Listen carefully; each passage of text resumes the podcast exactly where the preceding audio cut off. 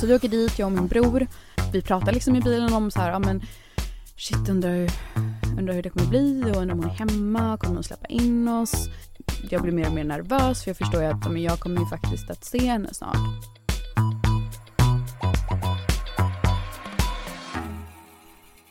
Hej och välkomna till ett nytt avsnitt av Ärligt talat. Med mig Emilia. Eh, hallå? hallå? mig Alexandra. Och med mig Emilia. Och idag har vi en gäst med oss. Emily Olsson heter jag eh, och eh, jag har blivit inbjuden till den här eh, mysiga podden för att ja, men bland annat berätta om min historia och min uppväxt i, med en missbrukande förälder. Mm. Mm. men jag gör annat också än att ha en missbrukande förälder.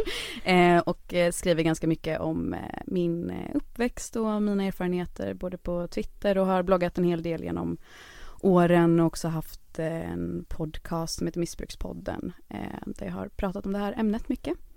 Men har du fortfarande kvar podden? Jag var inne och lyssnade igår. Ja, alltså den finns ju kvar. Eh, och jag, men jag har nog slutat säga nu att jag har en podd för att jag har liksom okay. Jag släppte ett avsnitt i januari typ och sen så okay. Så den är liksom, jag, jag har typ inte, jag har ett heltidsjobb också så jag har mm. liksom inte tid nu Nej. Eh, med det. Men för vi hittade ju dig på um, Twitter. Mm. Fröken Svårare. Det är så hon är känd där. Ja. Det är så jag visste vem det var. Ja. Mm. Men jag är verkligen, eh, jag har varit så impad när jag har följt dig. För typ du känns så jävla klok och hur du pratar om det och hur du förhåller dig till det. Jag har verkligen varit så jävla imponerad och det är därför det är skitkul att du är här. Mm. Tack för det. Det är väldigt kul att vara här och att ni lyfter det. Ja. ja. Men jag tänker att Emelie som du sa, du ska ju få berätta din historia idag. Och eh, du väljer ju själv vad du vill dela med dig av och inte. Men att du får berätta liksom hur det började. Typ som en tids, som en tidslinje liksom. Ja. Visst. Man bara kör igång. Fy fan vad jobbigt, stackare. Nej men, eh, nej men så här, jag tror att alla som på något sätt haft en lite stökig uppväxt eller bakgrund och så vet att det är inte en helt klar tidslinje. Att nej. allting kan vara ganska suddigt och hoppigt och man, man har svårt för att bara så här, när hände det och vilket år var det och sådär. Eh, men kort, eh, kortfattat tänkte jag säga, det kommer det nog inte bli men eh, den enkla storyn är väl att eh, jag växte upp med eh, min eh, tre år yngre lillebror och en mamma och en pappa som fick mig när de var ganska unga. jag är ju 25 idag och min mamma var 24 när hon fick mig. Mm. Min pappa var väl 25 då kanske. och vi levde ett ganska stillsamt villaliv på en liksom, lugn gata i Kungsbacka där jag kommer ifrån. Um, och um, efter några år så flyttade vi till uh, en annan um, ort som heter Onsala där vi bodde några år. Uh, och jag skulle nog säga att alltså, vi levde ett ganska så svinvanligt liv liksom med uh, Volvo, villa och hund och uh, grannar på middag och ja, väldigt vanligt liv mm. helt enkelt. och sen då så det var väl kanske egentligen när vi bodde där då när jag kanske är ja, 9, 8, 9 år då som jag eh, börjar kanske så här, jag har liksom inga minnen egentligen från mina föräldrar ihop trots att de levde tillsammans i 13 år. Eh, men jag har liksom fragment av att eh, jag har minnen av till exempel att min mamma är väldigt trött eh, eller att eh, jag vid ett tillfälle skulle ha typ en halloweenfest för mina klasskompisar när jag gick typ i trean. Och eh, min eh, mamma typ en halvtimme innan mina klasskompisar komma och det var så, det var så himla viktigt för jag var ganska, alltså, jag var liksom inte Alltså jag var ganska utstött i skolan skulle jag ändå säga. Alltså det var liksom den här halloweenfesten för mig var så himla viktig. Och typ en halvtimme innan alla skulle komma så låg min mamma fortfarande och sov. Och det var liksom mm. inte städat och det var ingenting typ. Mm. Eh, men bortsett från liksom sådana små händelser så har jag inga eh, klara minnen av att min mamma har druckit när jag var barn. Eh, inga minnen av att mina föräldrar har bråkat eller så. Eh, så när mina föräldrar sen eh, flyttade och separerade när jag var tio så kom det nog ganska mycket som en chock eh, för mig då och jag blev såklart jätteledsen som man blir eh, när ens föräldrar separerar. Ehm, det var väl egentligen efter det eh, när min mamma då som eh, som jag har vuxit upp med eh, mestadels, som det började gå ut för henne och som hon började dricka mer då och liksom hela hennes ekonomi rasade, hon hade svårt för att få bostad, drog på sig skulder, hade svårt att få jobb. Ehm, och det var väl då som det verkligen började gå ut för och där det blev väldigt tydligt att hemma hos pappa så var det ganska liksom alltså det var ordnat och det var så här, vi bodde i radhus och liksom det var mat på bordet varje dag och det var så här, det var, han var sträng när det kom till att man skulle gå till skolan och sådär. Medan när vi var hos mamma då så var det väldigt, men väldigt ostrukturerat, väldigt stökigt, vi kom inte iväg till skolan. Eh, hon flyttade runt jättemycket, bodde med massa märkliga människor, hade ofta ont om pengar och det var väl under, under de liksom kommande åren under min tidiga tonår då som man började märka att att hon verkligen ja, men hade ett problem. Mm. Um, och sen så efter det så flyttade min pappa till en annan stad uh, med sin nya fru. Uh, eller nya tjej som det var då och hennes barn. Och uh, vi flyttade med, lång historia kort. Jag var typ 13-14 och var inte så intresserad av att byta stad och ville liksom hänga med mina polare. Och eh, under de här eh, åren då när mina föräldrar hade varit eh, separerade så inkom det en hel del liksom, orosanmälningar eh, under de dagarna eller veckorna som vi var hos mamma. Och sen har det egentligen bara blivit värre och värre och när jag fick välja vart jag ville bo och inte ville bo hos min pappa längre så sa han då typ mer eller mindre att ja men flytta hem till din mamma då.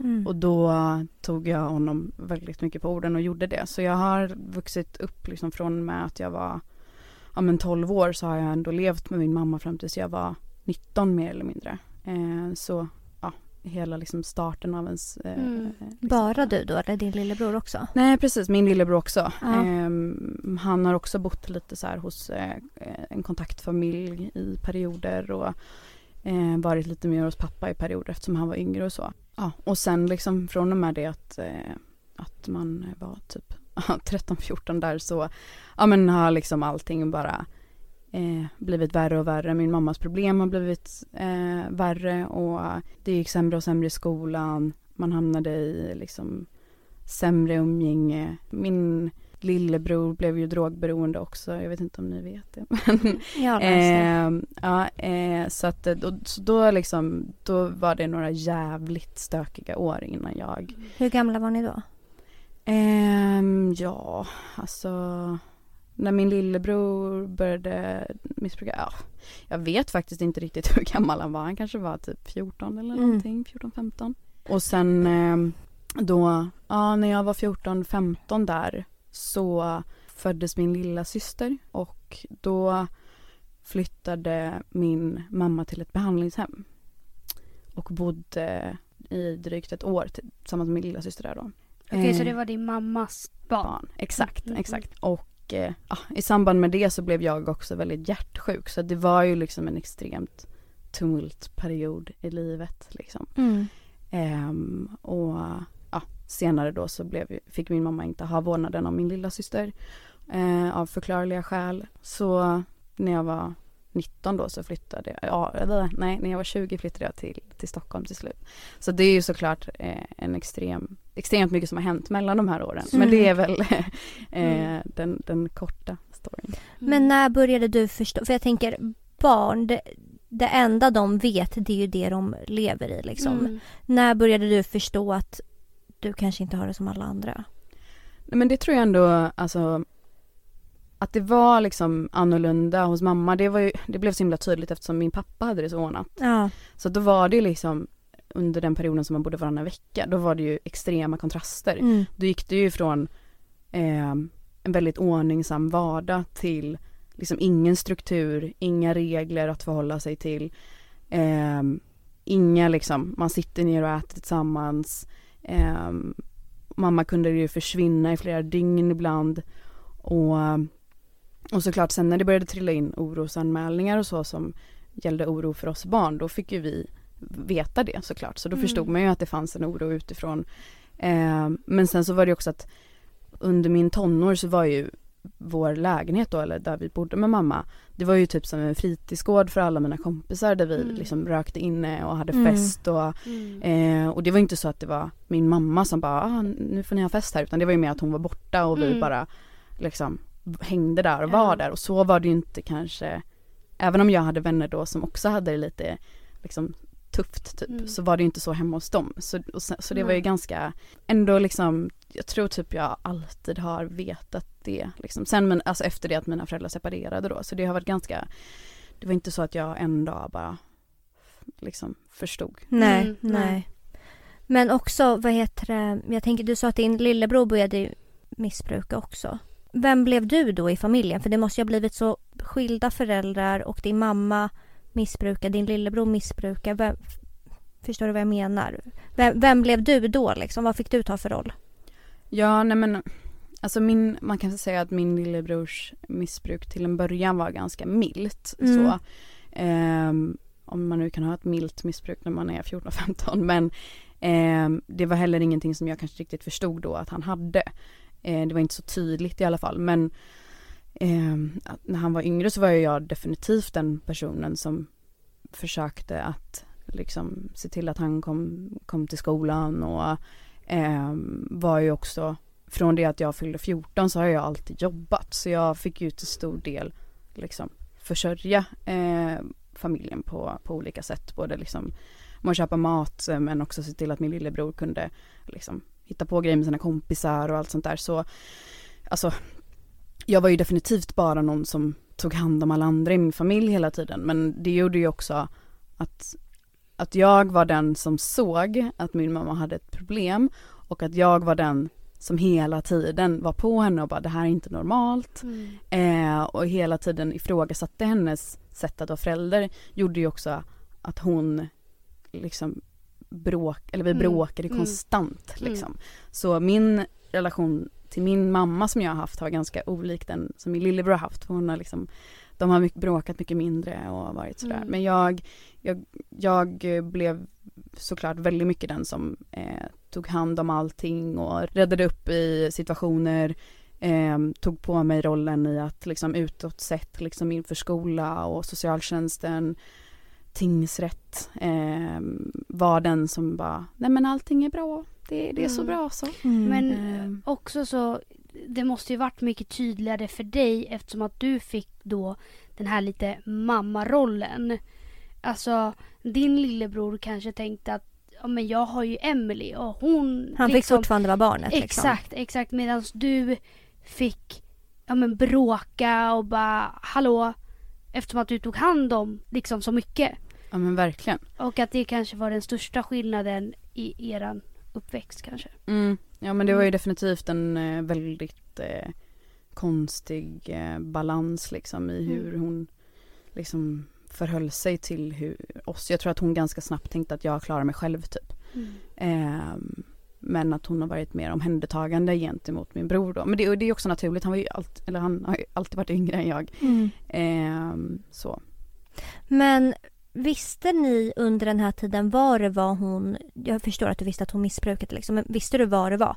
För jag har ju också haft en bror som har missbrukat, som inte lever längre. Men jag visste ju aldrig vad det var som... Mm. Jag, jag visste ju också att han hade ja. ett missbruk men jag fick liksom aldrig... Mm. Där och då så var det som att jag inte förstod. Eh, så här, jag tror att... Nej, jag visste ju liksom att han rökte gräs så. Mm. Och jag tror, eller jag var också med om vissa tillfällen, liksom, det här var ju när han var eh, liksom 15-16 år kanske. När han, jag hittade honom typ eh, medvetslös i hans framför datorn typ och, och så då förstod man ju att så här, men det här är ju någonting annat typ. Mm. Eh, och jag kommer ihåg att jag eh, försökte ringa ambulansen och att min mamma var så här, nej men ring inte typ. Eh, vilket är ju helt sjukt. För hon visste? Ja, alltså nej, jag vet faktiskt, alltså ärligt talat, jag, jag tror inte det. Eh, men så som han har berättat för mig i efterhand, det var ju liksom, det var piller och det var liksom, det var lite, det var nog typ det de kom över, mm. eh, var det nog. Det var liksom ingen speciell substans då. Och sen så blev det ju då nu kanske jag säger fel, men typ Concerta eh, och andra liksom ADHD-tabletter mm. med eh, amfetamin i. Eh, vilket det sen var ju det som blev huvuddrogen då. Men jag tror att, eller jag vet att man är så extremt bra på att förneka det. Även när det liksom är framför ögonen. Och jag vet ju också att våra grannar vid ett tillfälle när min lillebror hade varit hemma och typ haft fest eh, tog mig åt sidan då för och sa det att eh, om din lillebror fortsätter så här så kommer han inte bli 20. Och då tänkte, då blev jag ju så här, ja men shit, eller så här, vad, vad menar de typ? Är, det så, är det så mm. illa liksom? Mm. Då började man väl förstå mer men fan hjärnan är lurig alltså man, eh, mm. det är någon slags överlevnads... Ja men jag tänker också att så här, när man väl är i det oavsett om man är där som alltså nära person eller huvudperson att det blir liksom längre och längre ifrån att man kanske inte tänker så mycket, men typ som, det var lite som ett wake-up call när någon annan utifrån säger till dig men det här kommer hända om det mm. inte sätter stopp. Mm. Men att man typ inte normaliserar det men att man kanske inte... Det är svårare att förstå konsekvenserna när det är så mm. nära.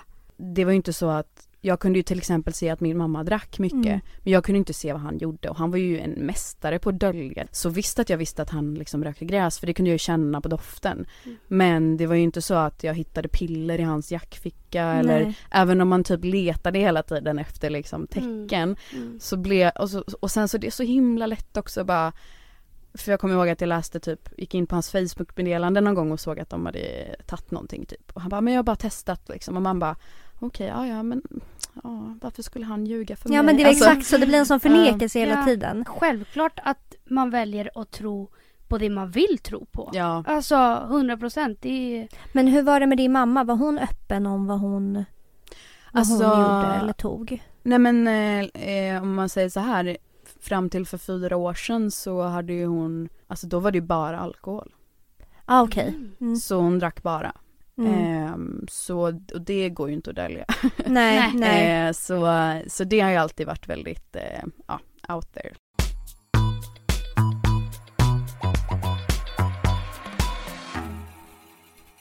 Under, ja, nu är det återigen att försöka komma ihåg hur gammal man var men ja. jag kanske var typ 12 år eller så.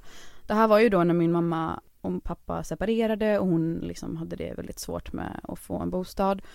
Eh, då, fick, då hittade hon och hennes dåvarande kille en så här sommarstuga typ. Den låg liksom mitt ute i skogen, så sjukt dumt till. Var ju absolut inte eh, anpassat för ett året runt boende. Och där fanns det liksom det fanns ingen toalett, typ, så de fick bygga ett så här utedass och det, det, om man säger så här, på sommaren så var det väl lite småmysigt typ. Men sen mm. när vintern kom och rören frös och vi hade liksom inget vatten. Det fanns ju ingen dusch där heller till exempel. Så vi fick ju, antingen fick vi duscha, passa på att duscha när vi var hemma hos våra kompisar. Eller så fick vi typ åka hem till mammas kompisar som hade dusch. Så vi hade ju ingen, ingen liksom möjlighet att tvätta våra kläder. Eh, och eftersom vi inte hade något rinnande vatten fick vi alltid liksom åka och hämta vatten typ eh, hos våra grannar eller in i stan och sådär. Så det var ju, alltså att bo så när man är typ 12 var ju fruktansvärt. Alltså det var ju så 30 kvadratmeter eh, och vi bodde där liksom fyra personer som mest. Mm. Och en hamster och en hund eh, och en fågel typ. Så det var ju mm. bara, eh, gick liksom inte att laga mat eller någonting. Så det var ju, alltså det var ju verkligen odrägligt. Fick ju så här dela säng med min lillebror och, och så, vilket kanske inte är så kul heller i den åldern. Nej, verkligen. Hur länge bodde ni där? Eh, jag kommer faktiskt inte ihåg hur länge hon bodde där, om man säger så, för att det slutade ju med att jag typ, jag kunde inte bo där. Eh, jag valde ju hellre att vara hos mina kompisar då under de under de veckorna eller så. Sen så blev det ju bara att man var mer och mer hos pappa typ. Um, vet inte, kanske var två år kanske. Oj, så ett länge. År, ett, ett och ett halvt år. Och då var det ju, till slut då så kontaktade ju min mamma tidningen Norra Halland då eh, i Kungsbacka och sa typ så här ser min bostadssituation ut. Och det var efter det, och så då var det ju så här bilder på henne där hon stod i den här stugan liksom på första sidan typ. Och det var ju också så här svinjobbigt för att Kungsbacka... I den åldern? Ja, ja, ja, för mm. Kungsbacka är ju så här dessutom en jätterik stad, eller en rik kommun liksom. Det är en väldigt fin stad. Så då var det så här, man kom hem till sina kompisar typ och så låg den tidningen på deras köksbord typ. Och man bara, toppen.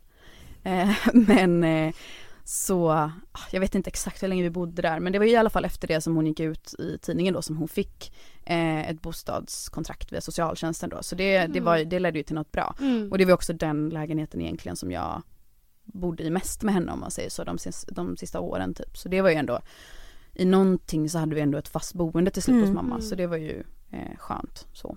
Det finns ju extremt många eh, händelser som alla på sitt sätt talar om, eller liksom skvallrar om att det, att det eh, inte var hållbart så som vi levde typ.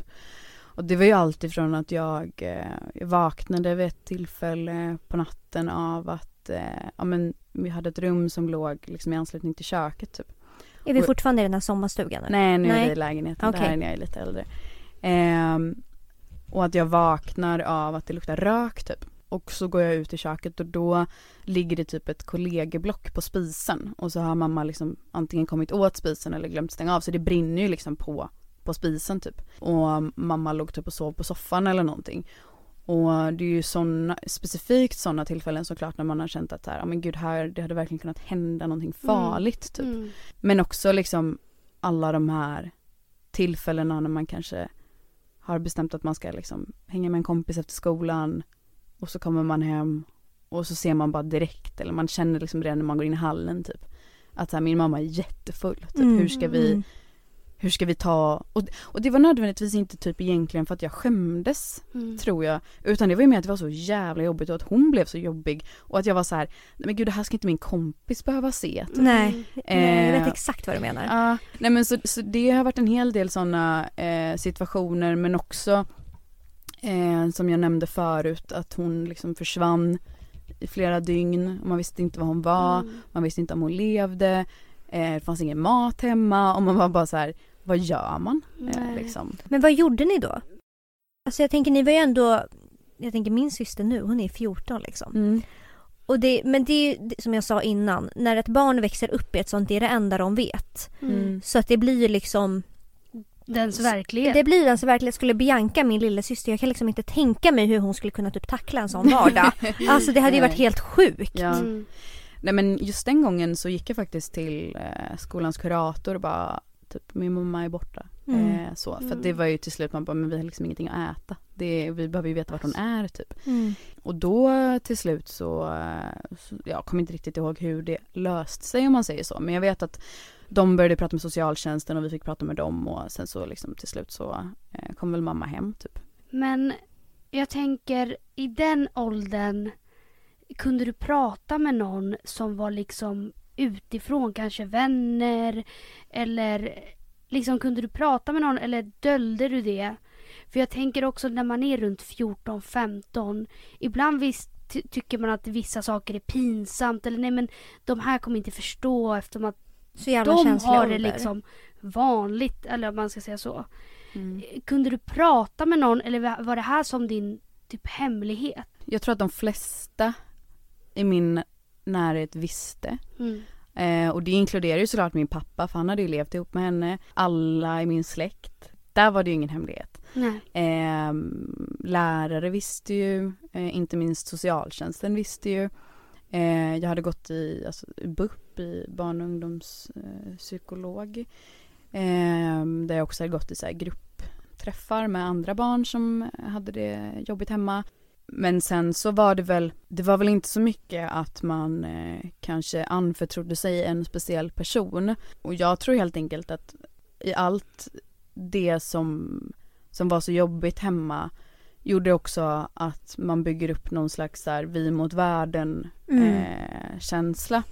Men att, eh, att jag också, jag hade ju liksom sett både min eh, lilla syster behöver flytta därifrån, min lille, eh, lillebror behövde också flytta därifrån vid ett tillfälle och kom tillbaka sen. Så då var det också den här bara, men jag vill inte att vi ska bli ännu mer splittrade typ. Nej. Och även om, även om min mamma på många sätt, eller hennes sjukdom rättare sagt, gjorde vårt liv till ett helvete så, så älskar jag ju fortfarande min mm. mamma och hon Man var ju fortfarande... Man vill ju fortfarande skydda liksom. Ja men precis och sen så fanns det ju också såklart alltid den här, den här förhoppningen om att snart blir det bättre för det är ju det man lever, det hoppet man lever på när man är så, så liten typ. Men jag hade absolut inte någon specifik person som man pratade med så och jag, alltså man pratade typ med sina kompisar för jag hade liksom en nära vän speciellt och hon sa liksom att hennes pappa drack mycket och så. Men jag, jag, kunde ju också, jag kunde ju definitivt under hela min uppväxt fram tills väldigt nyligen ändå bara, ja fast, och man kan aldrig jämföra problem. Men det var lite så här, ja okej din pappa blir full varje helg och det är såklart fruktansvärt och hemskt och skapar en jätteotrygg vardag. Eh, men liksom det låter, nu låter det som att jag jämför men jag, kunde inte, jag hittade ingen där jag kunde identifiera mig med det. Jag bara, men det här är en person som har det som jag har det. Nej, nej. Eh, så att även om mina kompisar kunde vara såhär, ah jag fattar hur jobbigt det är typ och bara, ah, fast när jag kommer hem till er så har ni alltid asgod mat, alltså mm. ni lagar, alltså ni, ja. ni har en helt annan, det är såklart en otrygghet men livet funkar eller vad man ska säga. Det är säga. ändå en vardag som går ihop liksom. Ja exakt. Mm.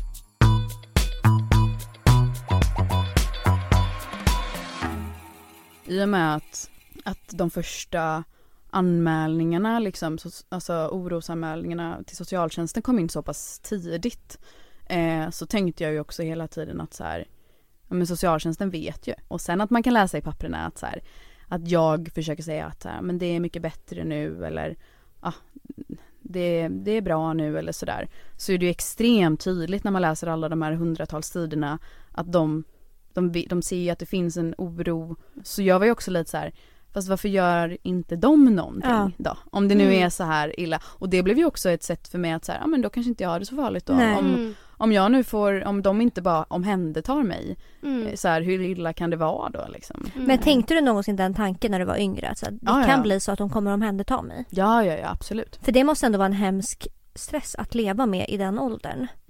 Ja. Eller för dig så kanske du kände så att det skulle vara en flykt på något sätt. Nej men alltså om man går tillbaka nu och läser papperna så frågar jag ju specifikt till socialtjänsten varför omhändertar ni inte mig mm. när ni har gjort det med min lillebror? Mm. Och då svarar de typ eh, för att du har klarat dig själv så bra. Typ. Mm. Så att så här, det visste jag ju hela tiden och jag har ju ifrågasatt det till dem och liksom under en stor del av mitt vux eller hittills vuxna liv mm. liksom att man bara Alltså vilka jävla pajasar som inte mm. vågade göra någonting på mm. socialtjänsten. Verkligen. Speciellt när du är så öppen mot dem. Mm. Alltså vad var det som Nej, men hindrar och, dem? Och också, alltså jag fattar inte om det är deras, man bara jobb. Mm, att, ja. Det är ett liksom, helt eh, avsnitt inte... i sig ah, kan jag Ja! Mm. Nej men det är så sinnessjukt faktiskt. Och bara, mm. nej men hon har ju klarat sig. Man bara, men jag har ju behövt mm. klara mig mm. själv. Mm. Det är liksom, ja. ja. Jag tror att alla, alla myndigheter är rädda för att ingripa. Eh, för att då blir det någons ansvar till slut. Det är verkligen det där, ja. hamna mellan stolarna. Typ. Men jag tänker, din pappa Emelie alltid det här. För att han måste ju ändå ha sett väldigt mycket. Men det var aldrig så att han tänkte bara att nej nu får ni komma hit oavsett om ni vill eller inte. Ja, eh, alltså han försökte ju definitivt att göra anmälningar och så. Jag har ju fått, eller jag har hämtat ut min journal i efterhand och har ju fått läsa allting och de här jag har ju fått läsa mail som han liksom desperata försök till att så här, eh, att, att han är orolig för hur vi har det och sådär. Men eh, någonstans där när han sa det att så okej okay, men gå och åk och bo hos din mamma då. Då slutade han att försöka och eh, det är också det han har sagt i efterhand att han typ inte orkade mer. Mm. Eh, vilket är eh, otroligt fegt. Eh, och någonting som han kommer få leva med i hela sitt liv men som såklart man har gått vidare ifrån och förlåtit också.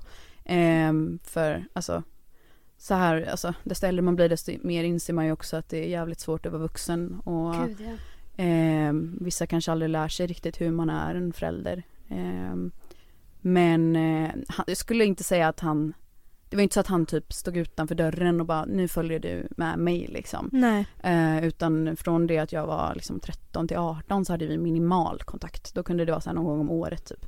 Jaha eh, okej, ja. Mm. Men vad tror, för nu när du har berättat allt det här, vad tror du det var som fick dig att inte välja samma väg? För jag tror att det, det är också ganska vanligt. Jo men alltså om man säger så statistiskt sett så skulle ju både jag eh, och min lillebror vara typ kriminella eller sitta inne ja. eller vara missbrukare på ett sätt och det, min lillebror har ju också varit det så att det men är ren idag har ett väldigt ordnat liv. Ja, alltså för min del var det bara typ att jag var så himla jag behövde ta så mycket ansvar hela tiden vilket också gjorde att jag var tvungen att vara någon slags förebild eh, och det har typ inte, alltså det har inte riktigt funnits tid för mig att, att uh, göra det. Men jag har också känt liksom så här, men jag kan inte också fucka upp typ, alltså det har varit en aktiv tanke. Men sen så var det också alltså från det att jag liksom ifrågasatte hur vi hade det hemma hos mamma och jag tyckte att det var liksom ostrukturerat och jobbigt och att jag liksom visste att så här, så här ska inte livet vara typ så har jag alltid känt att så ska inte mitt liv bli. Eh, jag ska inte bo i den här stan, jag ska inte ha den här mentaliteten som personerna här har. Jag eh, vill liksom, det kanske inte var en så utvecklad tanke då men jag, alltså att jag inte ville leva det livet. Eh, och att det är väl det, antingen så ser man hur illa det kan gå och så eh, har man förutsättningarna och möjligheten att välja bort det.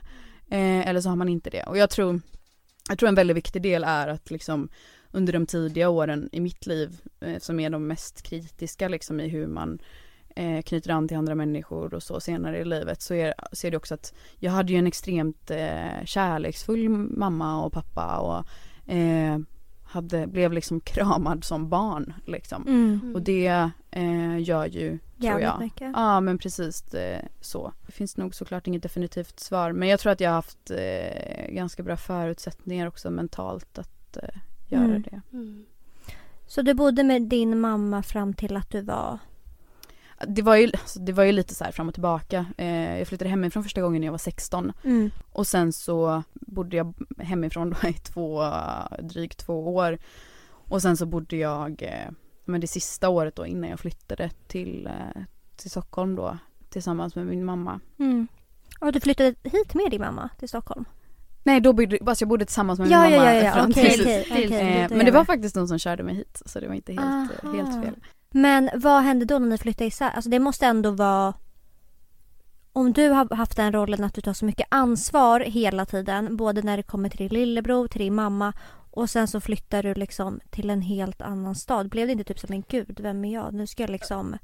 Blev det jobbigt att så släppa, eller inte ha samma kontroll längre? Att så nu vet jag ändå hur läget är nu är det bra, nu är det mindre bra. Mm, men mm. då hade du hela tiden kontroll eftersom att du var där.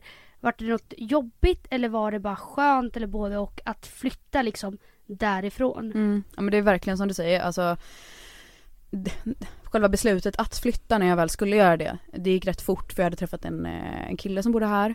Men det var såklart, jag hade ju såklart liksom tänkt i de banorna att jag skulle flytta, hur skulle det kännas? Mm. Kan jag verkligen lämna min mamma och min lillebror? eh, i det här. Eh, men sen så blev det typ bara som ett plåster som jag var tvungen att dra av. Där jag bara inte, alltså jag fixade inte det längre heller. Jag hade typ året innan jag flyttade blivit sjukskriven första gången när jag var, och då var jag 18. Mm. Och då liksom gick jag också som psykolog och jag blev deprimerad och jag fick ångest. Och det var så här, jag höll ju på att tyna bort typ. Alltså och under den här perioden så, alltså jag jobbade ju också väldigt mycket och Alltså men jag höll på att typ förlora mig själv kände jag. Typ. Så att när jag träffade den här killen så var han faktiskt lite en väg ut. Och jag tror liksom första sex månaderna så grät jag typ varje kväll för jag kände mig så dum. För jag tänkte att händer det någonting nu så är det mitt fel. Och jag var ju bara 20 då liksom. Så att, så att det var ju liksom så här, jag fick ju panik av att inte ha den kontrollen precis som du säger. Och, men sen så allt eftersom så var det ju en fantastisk frihetskänsla också eh, som du också sa att, att eh, ta reda på vem man själv var när man inte var den här personen som skulle ta hand om alla andra hela tiden och och vara lite mer så här, vad tycker jag om, vem är jag, mm. vem vill jag bli, hur vill jag vara? Eh, för det var eh, just det här liksom, hur vill jag vara? Var nog en ganska så här, gud vad långrandig jag blir nu, men en, Nej, eh, en väldigt så här, under min tonår så hade jag mitt sätt att eh, stänga ute världen liksom lite grann var nog att bara ha en så stenhård fasad typ. Mm. Väldigt så kall, hård, kanske ofta lite så elak, mm. ganska inte så här aggressiv men definitivt så här nedvärderande mot andra människor. Och så det blev ju såklart när man skulle börja så här, aha men varför har jag varit sån och hur vill jag vara och vilken, hur vill jag att andra människor ska uppfatta mig och ja, då fanns det ju helt plötsligt tid att bli en egen person. Mm. Eh, och det har ju varit en, eh, det, eller det är ju en, eh, vad ska man säga, en pågående resa liksom och har varit en, Såklart. en, eh, en resa med mycket terapi och antidepressiva och Ja, det är så sjukt att så här, du var 18 när du ställde de frågorna till dig. Jag bara, eller ja, 18-20 och bara okej, okay, vem är jag? Vem vill jag? Alltså det är, det är verkligen så då ska, du ta, ta alltså, då ska man ta ikapp hela barndomen. Liksom. Ja, men, ja, exakt. Ja. Nej men alla, jag tror alla människor har väl, det kommer väl allt, det kommer väl någonstans eh, i livet en eh, period där man eh, typ kanske ifrågasätter sin uppväxt eller sina föräldrar eller sina vänner eller ja, varför man har blivit som man har blivit och man vill ha svar på saker. Alltså det mm. tror jag kommer oavsett vad man har haft för typ av uppväxt. Och jag är väl bara så himla glad idag att, att jag ändå tog det beslutet och flyttade. Mm. För det är nog verkligen det som, som var min räddning. Jag eh, bröt. Liksom. Mm. Det var nog väldigt nödvändigt. Mm. Men var det fortfarande så att du åkte och hälsade på dem eller var det bara att Ja, eh, jag var det? där eh, var åttonde vecka. Eh, ganska länge så jag var Jag kunde ju definitivt inte släppa kontrollen nej, om nej. man säger så. Och det gjorde ju också precis som när jag flyttade hemifrån när jag var tonåring att att man kanske fick en lite bättre relation också för man bråkade inte hela tiden. Men eh, sen så kom det ju då att min eh, mamma, min mamma hade träffat en kille då, något år innan jag flyttade där. Och eh, sen skulle ju de flytta i, ihop. Ehm, och det här var ju fyra år sedan då kanske. Så under, under första året i Stockholm så hälsade jag på väldigt ofta och sådär. Mm. Och sen när de flyttade ihop eh, och min lillebror flyttade med dem till ett litet hus eh, ute i skogen eh, utanför Göteborg. Då egentligen så försvann, eller ganska mycket av, då hälsade jag liksom inte på längre eller så. Dels så tyckte jag verkligen inte om hennes nya kille, inte för att han var elak eller på något sätt, men utan att säga någonting så hade väl han en del problem. Mm. Och det var ju också när min bror flyttade dit som, som hans missbruk verkligen eskalerade. Så det slutade ju med att eh, egentligen att min mamma och lillebror började missbruka tillsammans. Ja.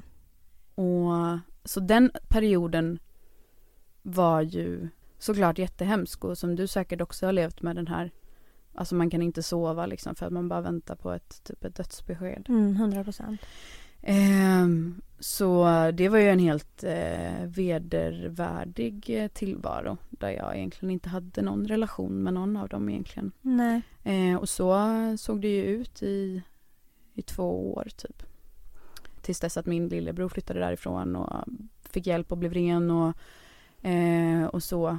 Och när han väl hade flyttat därifrån då kände jag också att nu orkar jag inte ha med min mamma att göra mer. Alltså nu får det bara, nu pallar inte jag mer. Nu, nu är min lillebror därifrån, allting är bra med honom. Eh, nu, eh, nu, nu räcker det typ. Mm. För att jag eh, kände att jag blev så himla ledsen bara av det.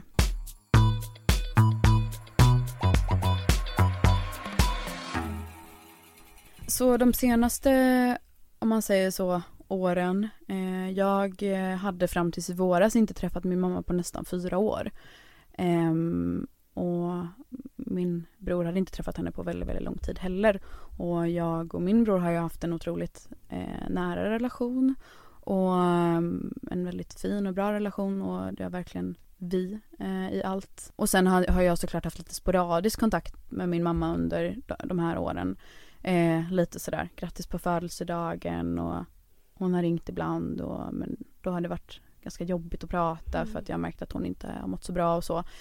Eh, men så från då att, att inte ha haft någon kontakt med henne eh, eller haft väldigt, väldigt skral kontakt med henne och eh, inte ha träffat henne på flera år så var det faktiskt min pappa i, eh, i början av sommaren juni, början av juni som eh, vi satt och pratade och vi sa det att vi gärna hade velat hämta våra saker hemma hos mamma. Vi var lite osäkra på om det fanns foton kvar från när vi var barn men vi ville gärna ta reda på det och vi var lite rädda att det skulle bli förstört och sådär så vi ville helt enkelt åka och ta reda på det eh, och vi hade frågat mamma vid flera tillfällen om vi fick komma dit. Vart bodde hon då? Då bodde hon i den här, det här huset utanför Göteborg okay. där min bror också hade mm. Eh, så, men sen då varje gång vi frågade om vi fick komma dit så, så sa hon att vi inte fick det. Då egentligen så sa pappa bara att så här, men ska ni inte bara åka dit? Och, och sa det att ni kanske inte kommer ha chansen igen. Eh, för nu är ni här och min lillebror tar körkort så vi hade bil och så här, det, det är bra timing liksom. Och då var vi lite så här, ah shit, kan man göra så typ? Och så bara, ja det är klart vi kan. Så vi tog till och med, för vi tänkte så här, ah, ja men om hon inte är hemma då bryter vi väl upp förrådet då. Så vi tog till och med som en kofot typ. För vi bara, ja men vi ska ha våra grejer. Vi var liksom ganska inställda på det. Eh, och också lite bara för, om man ska backa då till hur min inställning har varit gentemot mamma under de senaste åren så har jag också gått i tankarna och pratat mycket med min fantastiska terapeut om att kanske göra en anmälan mot mamma även om jag inte visste hur hon hade det. Mm. Så ändå tanken har ju slagit mig att så här, men jag vet ju att hon inte har det bra, kanske ska jag ändå anmäla. Eh, men jag har ju inte riktigt haft något konkret att anmäla. Nej. Det är svårt att bara ringa. Det är svårt att få ett LVM också. Ja eller att, huvud, att överhuvudtaget gå vid, öppna en utredning ja, om någonting. Ja. Ja, ja. Eh, för det blir bara så här, hej eh, jag vill anmäla min mamma, hon mår inte så bra, okej kan du säga vad det är? Inte riktigt men mm, mm. ja. Eh, men jag har också så här, jag kommer fram till att nej jag, jag, vet inte vad jag ska anmäla men jag har också känt att jag inte har orkat innan. För jag har liksom haft ett e-, eget liv liksom. Eh, men så vi åker dit, jag och min bror.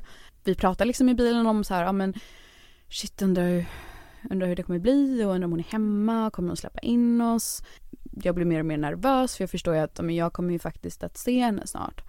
Eh, och jag har beskrivit det innan som att det var ett väldigt sådär när man känner typ att jag vet inte riktigt vad jag kommer få se men jag vet att jag mm. kommer liksom inte kunna unsee it. Alltså Nej. jag, eh, gud vad töntigt det lät. Jag kommer inte, vad säger man, jag kommer aldrig att kunna ha backa från det här. Nej men Nej. alltså ta bort det minnet ja, liksom. Exakt, så jag visste liksom att så här, okej okay, men jag har liksom en bild av hur hon ser ut och den kommer jag inte ha antagligen längre. Eller jag, jag hade visste liksom inte vad jag skulle vänta mig men jag visste baserat på vad min lillebror hade berättat som faktiskt hade bott med henne att det kanske skulle, någon, att jag kanske skulle få se någonting. Man hade väl det på känn. Mm. Eh, så när vi väl liksom kommer upp då till eh, bostaden så ser vi det liksom, alltså det är ju så här grejer överallt på hela eh, tomten. Uh, det ser liksom ut som typ en soptipp. Mm. Så då får man ju direkt sån här känsla av att ja, men det här är något som inte står rätt till. Vi ringer på, hon öppnar inte och sen så när hon väl öppnar då så ser, alltså eh, det är ju typ det största traumat tror jag som jag har varit med om för då jag visste ju att det var hon men jag kände liksom inte igen henne. Eh, för hennes ansikte var så förändrat. Eh, och hon hade liksom inga tänder kvar och hon var liksom helt uttryckt uttryckslös också. Eh, vi hade inte sett varandra på så många år men ändå så visade hon inga känslor överhuvudtaget. Mm. Så det var som att bara se ett spöke typ. Det var ju en sån extrem, alltså jag, vi blev ju, jag framförallt blev väldigt, väldigt rädd. Det var, ju, de lev, det var ju en fruktansvärd misär som de levde i då.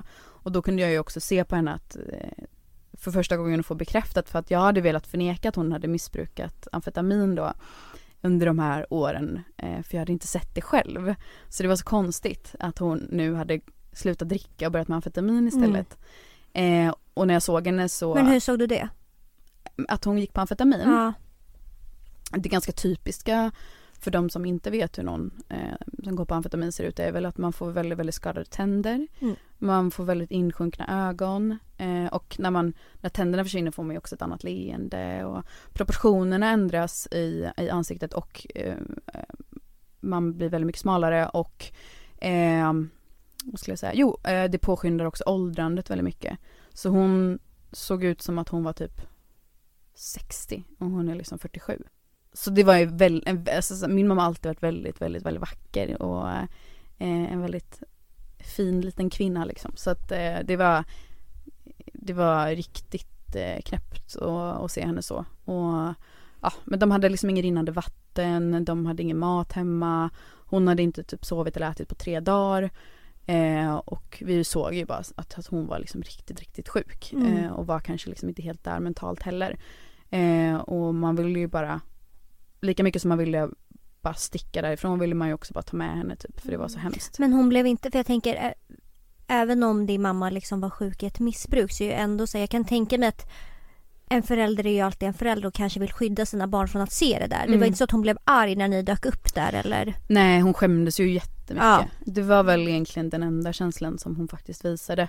Att hon var lite så här, ja så mm. här ser jag ut. Typ. Ja. Eller liksom och då, då, förstår man ju precis som du säger att hon, hon, har ju definitivt velat skydda oss från att se det för att hon, är, hon var ju extremt medveten om hur hon såg ut. Nej men och jag har ju fått veta i efterhand att hon vägde typ så 34 kilo eller någonting så hon var ju ah. verkligen eh, pytteliten då. Eh, vi, ja, vi köpte i alla fall en del mat till henne och sånt där och åkte och köpte vatten. Och sen så var det bara så här, nu pallar inte jag vara kvar här längre så vi, vi åkte därifrån. Och måndagen därpå då så gjorde vi en orosanmälan till socialtjänsten.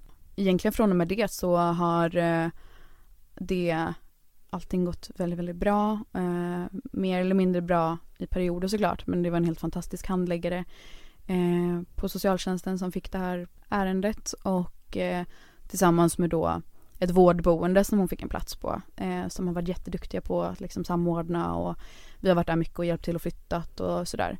Eh, för, de, för hon fick en plats på det här boendet och hon förstod ju att eh, flyttar hon inte med så, så kommer hon att eh, kanske behöva flytta med tvång. Eh, och jag tror hon innerst inne, eller jag vet att hon innerst inne förstod också att hon behövde hjälp liksom. Mm. Så efter två månader av flytt och försöka få med henne då så, så flyttade hon till slut eh, till det här boendet och, och, det är där hon, hon bor idag. Så nu har hon varit ren i två månader. Alltså jag blir så jävla glad. Mm. Mm. Jag var och hälsade på henne här nu för några veckor sedan. Och mm. då, det är sjukt vad kroppen liksom kan återhämta sig. För nu ser hon ju ut som hon, så, såklart hon har åldrats lite grann. Mm. Men hon har ju, hon, nu ser hon ut som vanligt igen. Så kroppen är ju också helt fantastisk på att ja. återställa Jävlar. sig i det liksom. Och idag har ju vi en jätte, jättefin relation och hon är ju framförallt väldigt tacksam för att vi vågade göra någonting. Mm. Att, eh, ja, man, tänkt, man undrade ju om vi ens skulle kunna ha någon relation överhuvudtaget. Men nu har ju, man ju verkligen fått tillbaka en förälder typ och det är ju helt, helt ovärderligt. Mm. Även om man inte vet hur det blir i framtiden. Mm. Nej. Och jag tror det här är bra för många att höra som, ja men jag tror att när man är inne i det att man kanske inte ser ett slut utan bara tänker i negativa tankar och så att det är oavsett hur långt ifrån det är eller det känns mm. att det kan bli bra liksom. Mm. Fan det är liksom en riktigt komplex fråga för mm. att Å ena sidan så hade hon aldrig fått den här hjälpen om hon inte hade mig och min lillebror som hade mm, orkat mm, och kämpat och det är ju så här anhöriga till missbrukare eller så har ju ofta inte den orken eller man har redan försökt och mm. liksom socialtjänsten suger eller så är det liksom De hamnar mellan stolarna hela tiden. Ja men precis och att vården inte är anpassad för att missbrukare ska kunna få hjälp för att det är väldigt mycket så här du måste infinna dig här vid den här tiden och man bara ja ah, fast eh, den här personen har inte kunnat passa en tid på 30 år så att jag vet inte. Nej. Men så att så det är ju ena sidan så här ja det här hade aldrig kunnat ske om inte vi anhöriga hade gjort någonting mm. och hade min mamma varit en hemsk person, alltså om vi hade vuxit upp med en person som var typ liksom genuint elak eh, och som typ liksom vanvårdade oss, då hade ju vi inte gjort det här för att nej. vi hade inte tyckt om henne på samma sätt. Nej, liksom. nej. Och samtidigt så finns det också en poäng med, det var, jag, eh, när jag var typ 18 så gick jag till en psykolog som sa det, för, för, det var när jag var 18 som jag började få väldigt mycket ångest. Och jag var lite så här, va? Jag har ju varit som en så sten hela mitt liv typ. Varför ska jag börja känna en massa jobbiga känslor nu typ? Mm. Och då var hon så här, hon bara ja, hon bara det här kanske är hårt att höra. Hon bara men du är 18 eh, och du ska precis bli vuxen nu. Eh, och det är nu som du måste eh, inse att din barndom aldrig blev det du drömde om. Eh, du måste liksom släppa det nu. Och då var det ju så här, släpp, att släppa det och att någonstans typ, för jag, alltså under de här senaste åren, i och med att jag har haft Missbrukspodden, jag har träffat jättemycket människor som har, eh, har haft problem med missbruk. Jag har träffat jättemycket anhöriga, jag har varit i riksdagen och liksom lyssnat på massa lagförändringar och hearings. Så jävla coolt. Eh, mm, det är så jävla coolt. eh, tack. Ehm, och bara för att så här, ja men min mamma kanske inte kan räddas men någon annan kanske kan det i framtiden typ. Mm. Så att så här, mitt hopp om att, alltså det finns alltid ett litet, litet hopp men jag tror definitivt att jag hade släppt hoppet på att rädda min mamma. Mm. Eh, det hade min lillebror också gjort. Eh, och det var inte förrän hon typ kanske hade varit där en månad som man bara började säga okej okay, men kanske den här mm. gången. Mm. Inte ens när hon satt i bilen på väg dit med oss så var Nej. vi så här, nu vänder det typ. Mm. För att det där hoppet har liksom eh, tilliten är liksom helt Men man kanske utsuddad. inte vågar hoppas heller. Nej, precis. Man blir så himla besviken. Mm. Eh, så, att, så det är det där att, att jag, jag vill liksom inte heller, man, det är svårt att säga liksom till någon att bara men hang in there, det blir bättre ja, nej, typ. För man nej. vill också bara, fast om du inte pallar nej. så är inte det ditt ansvar typ. Så det är väldigt svårt. Ja, såklart. Att det, ja. Såklart att det inte är på ens ansvar om en annan person, om man ska rädda en annan ja. person eller inte. Men i det här fallet så gick det bra. Exakt, och jag tror det är ju det som tyvärr är så himla orättvist också att i den här kommunen så fanns det en bra plan, det var helt fantastiskt, allting bara eh, det var helt underbart. Mm. Men det skulle inte ha hänt i Kungsbacka där jag växte upp och jag har typ aldrig hört om ett sånt fall heller i Stockholm där Nej, man har gud, varit så här, det Alltså det här boendet som min mamma skulle till eh, eller som hon bor på nu, det är inget behandlingshem utan det är ett vårdboende. Och när vi skulle åka och hälsa på henne, då var de så här, vi har en, jätte, jätte, en jättefin lägenhet vid havet om ni vill låna den och typ åkte och köpte och fixade grejer till oss och liksom Alltså de har ju varit helt så här, är verkligen bara så här, vad behöver den här individen? Hur kan vi hjälpa alla människor olika? Mm. Och den hjälpen finns det ju inte att få i hela Sverige så det är också sjukt mycket tur att den hjälpen fanns att få i den kommunen som hon bodde i. Mm.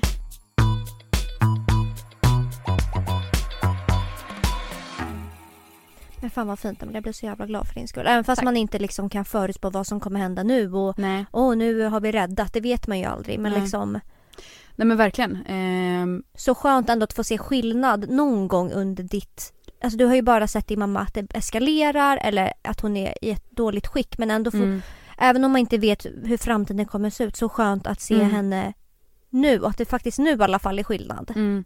Ja men verkligen, alltså det är ju det här typ att man oavsett om hon skulle typ eh, ta ett återfall imorgon, mm.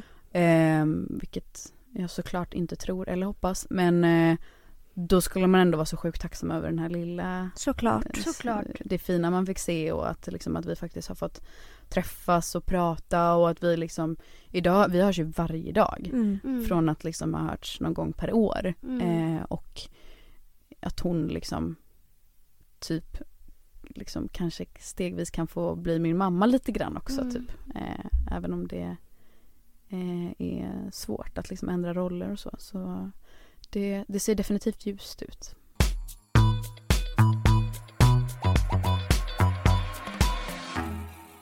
När du kollar tillbaka på din uppväxt och allt ni har varit med om, finns det något du tänker, jag vet att det är säkert jättemycket uppenbarligen som hade kunnat se annorlunda ut, men finns det något konkret som du verkligen känner så här, det här hade verkligen omgivningen kunnat skött bättre. Det här hade underlättat eller förbättrat så mycket. Mm. Något som du typ kan känna dig arg på. Varför hände inte det här?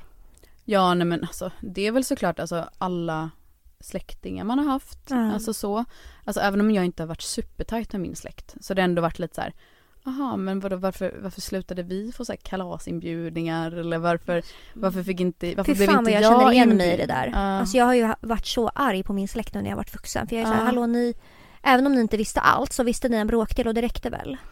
Ja eller i alla fall så här, varför varför stötte ni ut mig? Typ? Mm. Varför slutade jag vara en del? Varför fick inte jag vara med och fira jul med mm. mina kusiner och min farmor och farfar? Och, alltså var, varför hände det typ? Mm. Eh, och det kanske jag aldrig kommer få svar på. Eh, men det är väl också lite därför typ eh, Alltså det, det i kombination med såklart varför de inte hörde av sig kanske, frågade något, mm. kollade mm. läget. Mm. Eh, men också såklart alla andra vuxna, alltså kompisars föräldrar. Eh, det är klart så skolan gjorde ju anmälningar och jag tror det var någon kompis förälder som gjorde det också någon gång.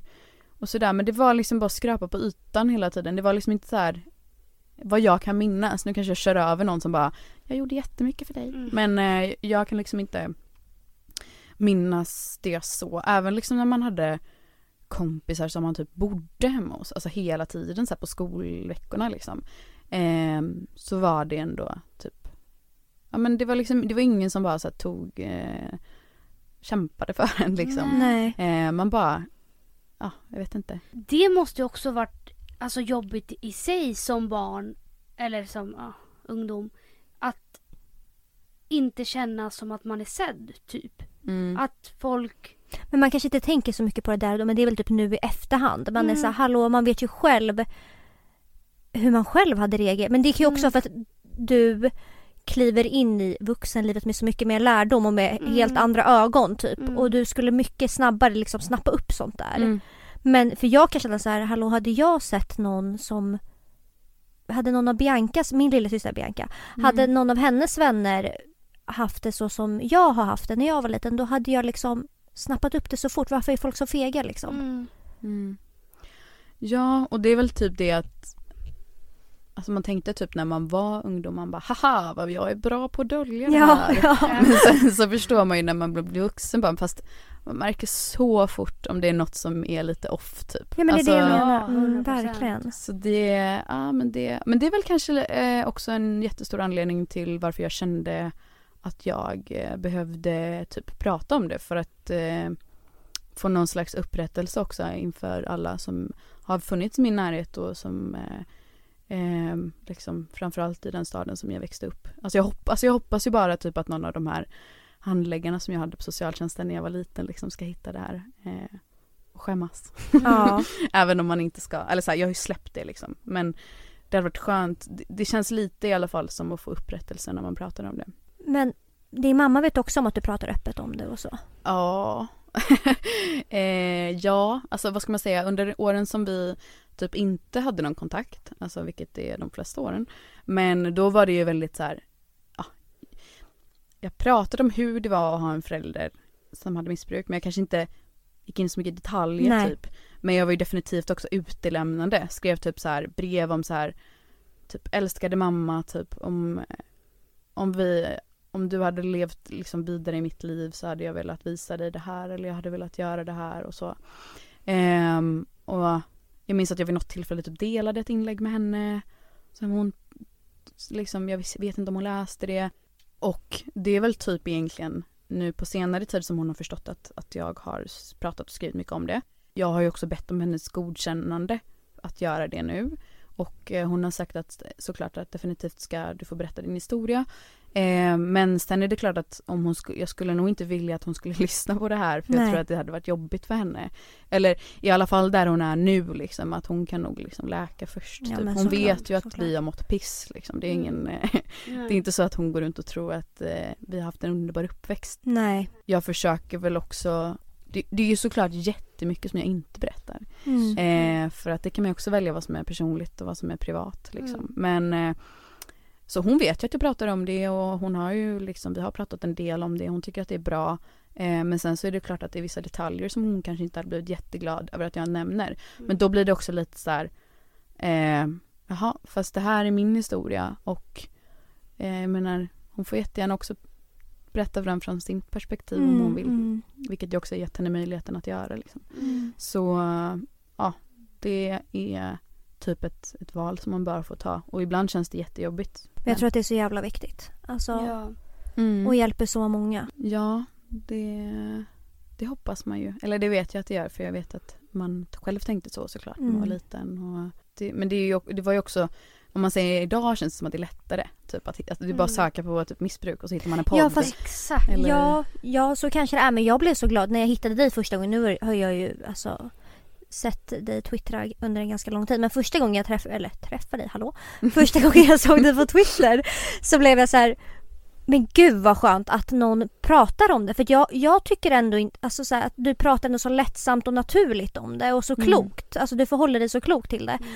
Och jag tycker verkligen inte att det är många som gör det. Sen så kanske, jag vet inte, jag kanske bara inte har sett det. Nej. Men jag tyckte verkligen att det var så ögonöppnare typ. Alltså det är väl bara det att jag har typ byggt upp plattformar som inte är gigantiska men som eh, liksom som jag har valt att använda till det. Ja. Alltså alla har, eller många idag har ju en stor plattform och man kan ju välja precis vad man vill mm. använda den till.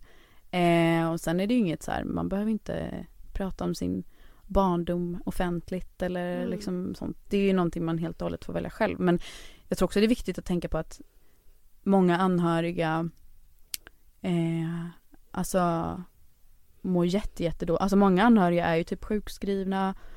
Det har inte gått så bra liksom när man har vuxit upp så. Så det är nog inte så många som har det att berätta heller. Liksom. Nej, nej. Eller som, ja, som har en plattform eller som orkar eller som eh, det är liksom heller inte så typ självklart att man ska göra det. Och sen så Alltså framförallt för, för mig idag, jag, jag eh, har ju fått några sådana här förfrågningar det senaste sen jag skrev eh, på Twitter om, eh, om vad som hände med min mamma nu senast när hon fick hjälp.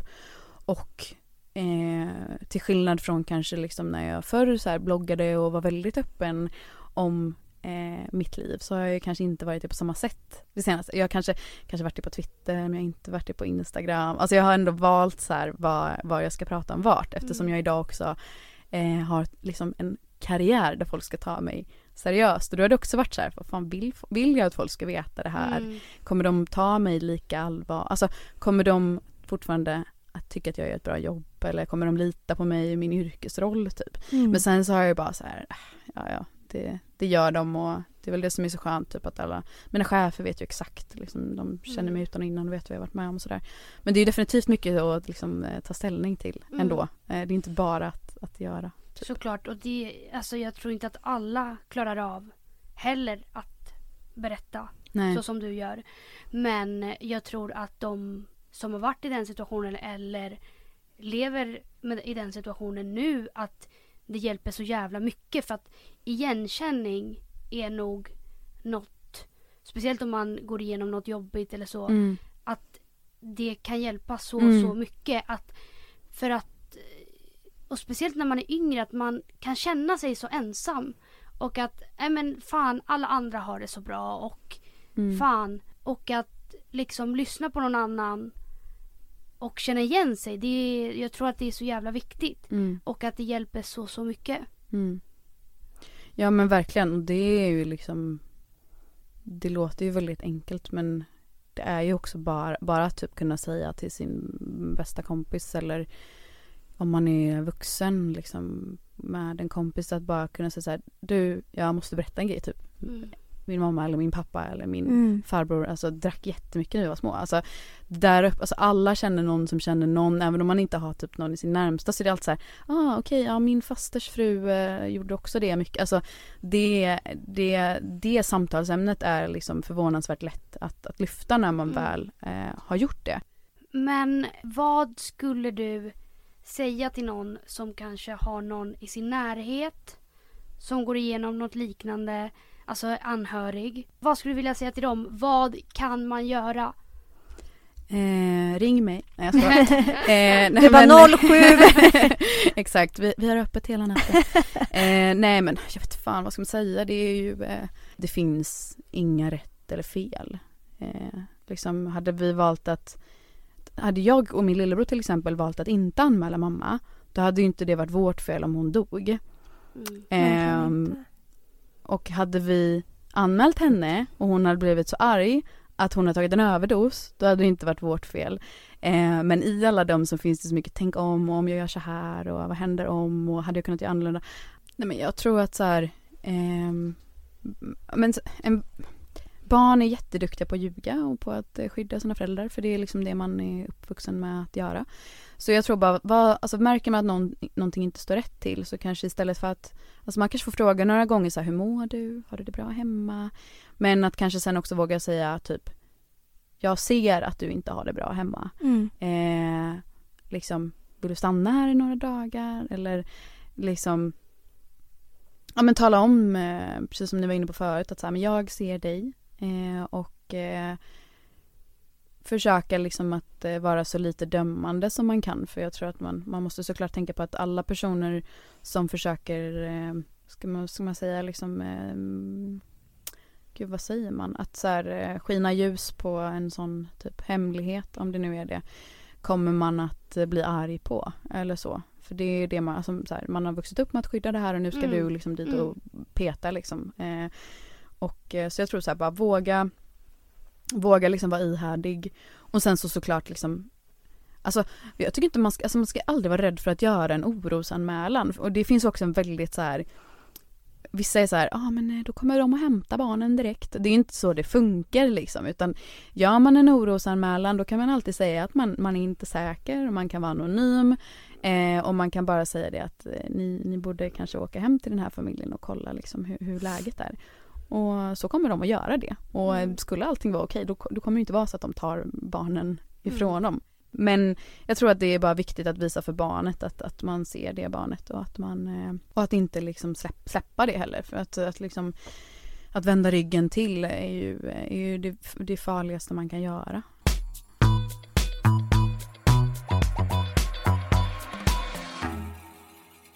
Det kanske är ganska lätt om man inte har någon som har eh, liksom missbrukat och så som man har vuxit upp med. Eller även om man har det men man kanske inte har så bra sjukdomsinsikt så är det ganska lätt att eh, tänka att, att om man verkligen vill sluta så kan man det.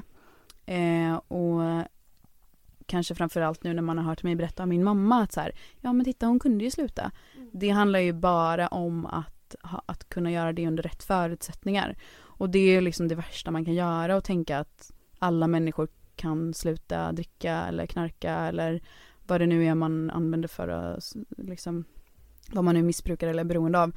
Eh, att alla människor liksom kan säkert bli friska under de perfekta förutsättningarna men att det inte är alla som har de perfekta förutsättningarna. Eller någonsin kommer att få det.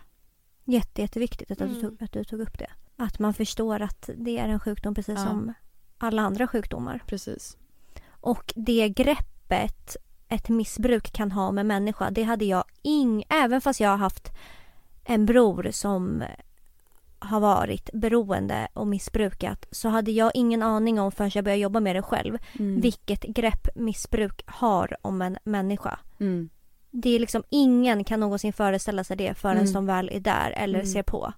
Ja och det tror jag också är skitviktigt för folk som eh, kanske aldrig någonsin har kommit i kontakt med den världen. Kanske Nej. det närmsta man har sett är typ någon alltså, pundare vid Östermalmstorg typ. Eller alltså man mm, liksom, mm. det är den enda upplevelsen man har.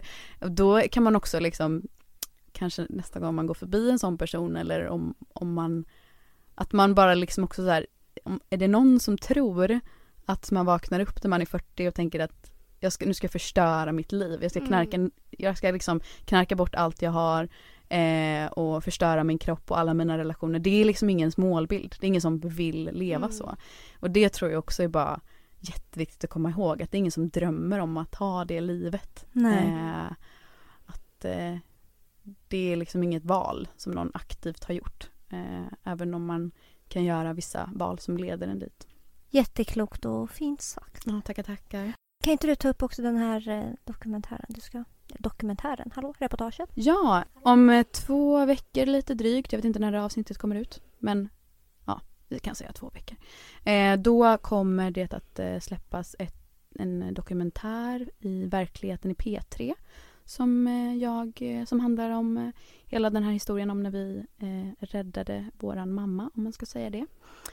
så den kan man lyssna på om man vill grotta ner sig ännu mer. Men den kommer finnas i podcastappen då? Ja, det är väl där finns, P3 är? eh, den finns överallt. Spotify, ja. ja. allt där, där poddar finns. Men den ska jag lyssna på. Ja. Och ja, den ska alla som lyssnar på det här lyssna på. Ja. Och grotta ner sig ännu mer och få lite Exakt. perspektiv. Mm. Ja. Men Emily, om man vill komma i kontakt med dig, mm. hur gör man det? Eh, ja men eh, då är det nog enklast på eh, emilyolssons.se på, på Instagram. Det är nog det enklaste. Eh, jag har ingen blogg längre som heter emilyolssons.se så varje gång jag säger det så bara oh. eh, Men ja, emilyolssons.se DM. DM. Ja.